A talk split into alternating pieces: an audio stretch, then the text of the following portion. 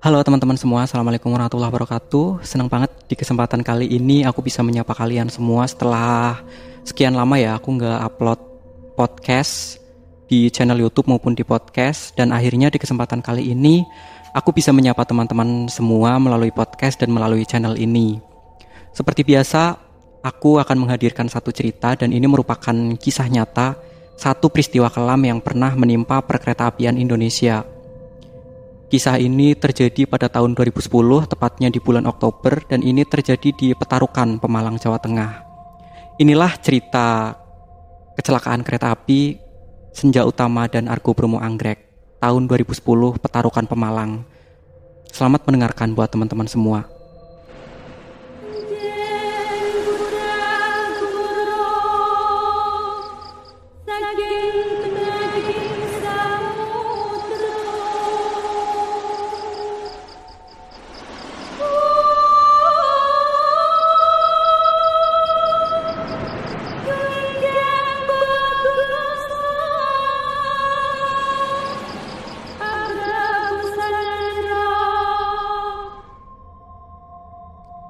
Sebelum aku menceritakan peristiwa ini, marilah bersama-sama kita mendoakan para korban yang gugur di peristiwa tersebut. Semoga mereka diberi tempat yang terbaik di sisi Tuhan Yang Maha Kuasa, serta keluarga yang ditinggalkan dapat diberi kesabaran serta ketabahan. Jumat 1 Oktober tahun 2010 Sore itu, Putra tengah sibuk karena rencananya nanti malam ia akan bertolak ke Semarang karena ia mendapat tugas dari kantor tempatnya bekerja. Rencananya Putra akan ke Semarang dengan menggunakan kereta api. Kereta api senja utama yang akan ditumpanginya akan bertolak dari ibu kota sekitar pukul 19.20. Sementara sekitar pukul 6 sore, hujan turun sangat deras mengguyur kota Jakarta. Putra mulai kebingungan, harus dengan apa ia ke stasiun. Kalau naik motor, tentu ia akan pasah kuyup, mengingat tempat ia tinggal ke stasiun lumayan jauh. Terlebih banjir sudah mulai tergenang di mana-mana. Sampai pukul 7 malam, ternyata hujan masih turun sangat deras. Keputusan terakhir Putra memilih ke stasiun dengan menggunakan taksi. Pukul 7.20, kereta api senja utama diberangkatkan dari stasiun Pasar Senen. Malam itu, gerbong kereta hampir semuanya penuh sesak. Bahkan banyak penumpang yang duduk-duduk di bawah dengan menggelar koran di lantai kereta api. Bahkan banyak yang tiduran dengan menggelar koran di sambungan gerbong. Maklum, hari itu hari Jumat. Banyak pemudik dari Jakarta yang akan mudik ke kampung halaman, ke Tegal, ke Pemalang, ke Semarang, maupun ke Solo. Setelah membeli nasi goreng, Putra tertidur. Ia terbangun, kereta sudah tiba di Tegal. Pukul 2 pagi, tanggal 2 Oktober tahun 2010. Jelas kereta ini terlambat. Di tiketnya tertulis kereta akan tiba di Semarang pukul 3. Tapi waktu sudah menunjukkan pukul 2 pagi, ternyata kereta ini baru tiba di Tegal. Suasana semakin ribut. Waktu itu kereta api belum setertib sekarang. Banyak pedagang asongan yang masuk ke dalam gerbong menjajakan dagangannya. Setelah membeli minuman ringan, Putra kembali tertidur.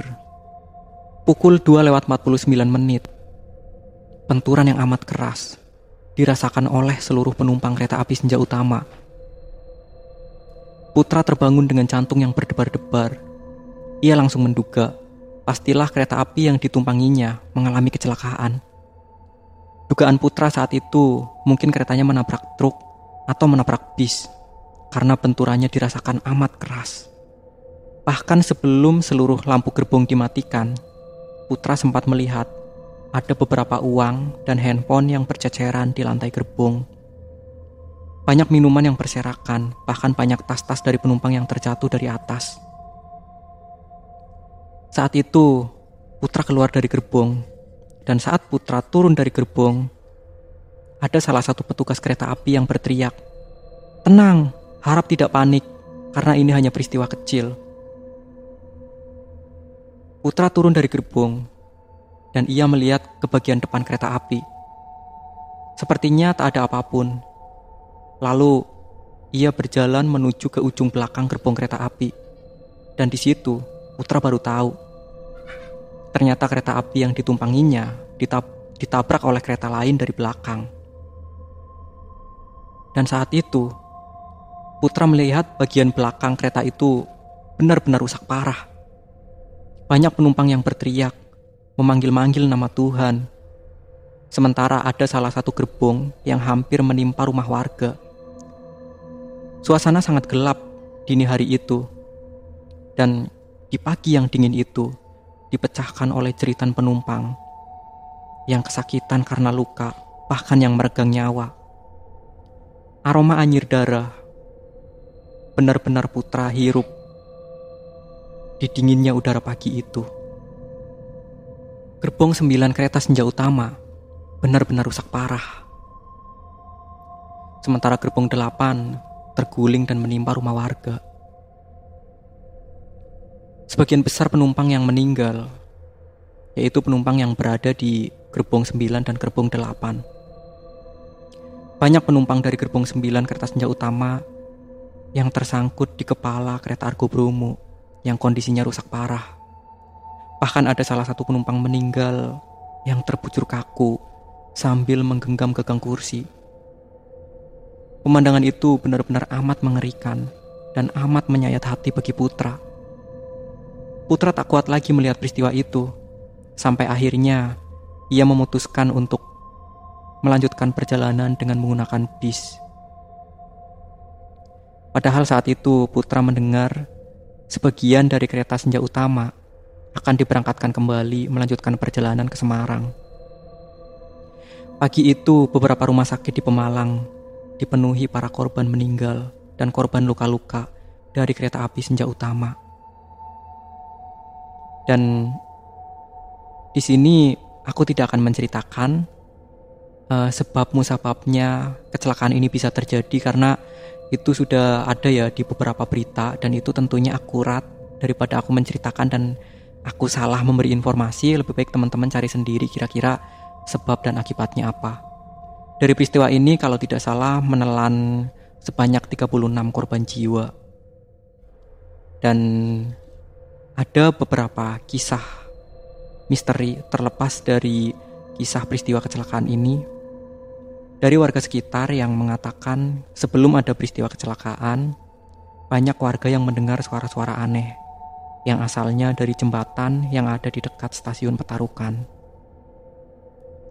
Tapi kita semua tentunya tahu uh, hidup dan mati seseorang merupakan milik Tuhan dan sudah digariskan Tuhan. Jadi peristiwa ini tentunya sudah merupakan takdir dari Yang Maha Kuasa. Dan terima kasih banyak buat teman-teman yang udah mendengarkan aku bercerita.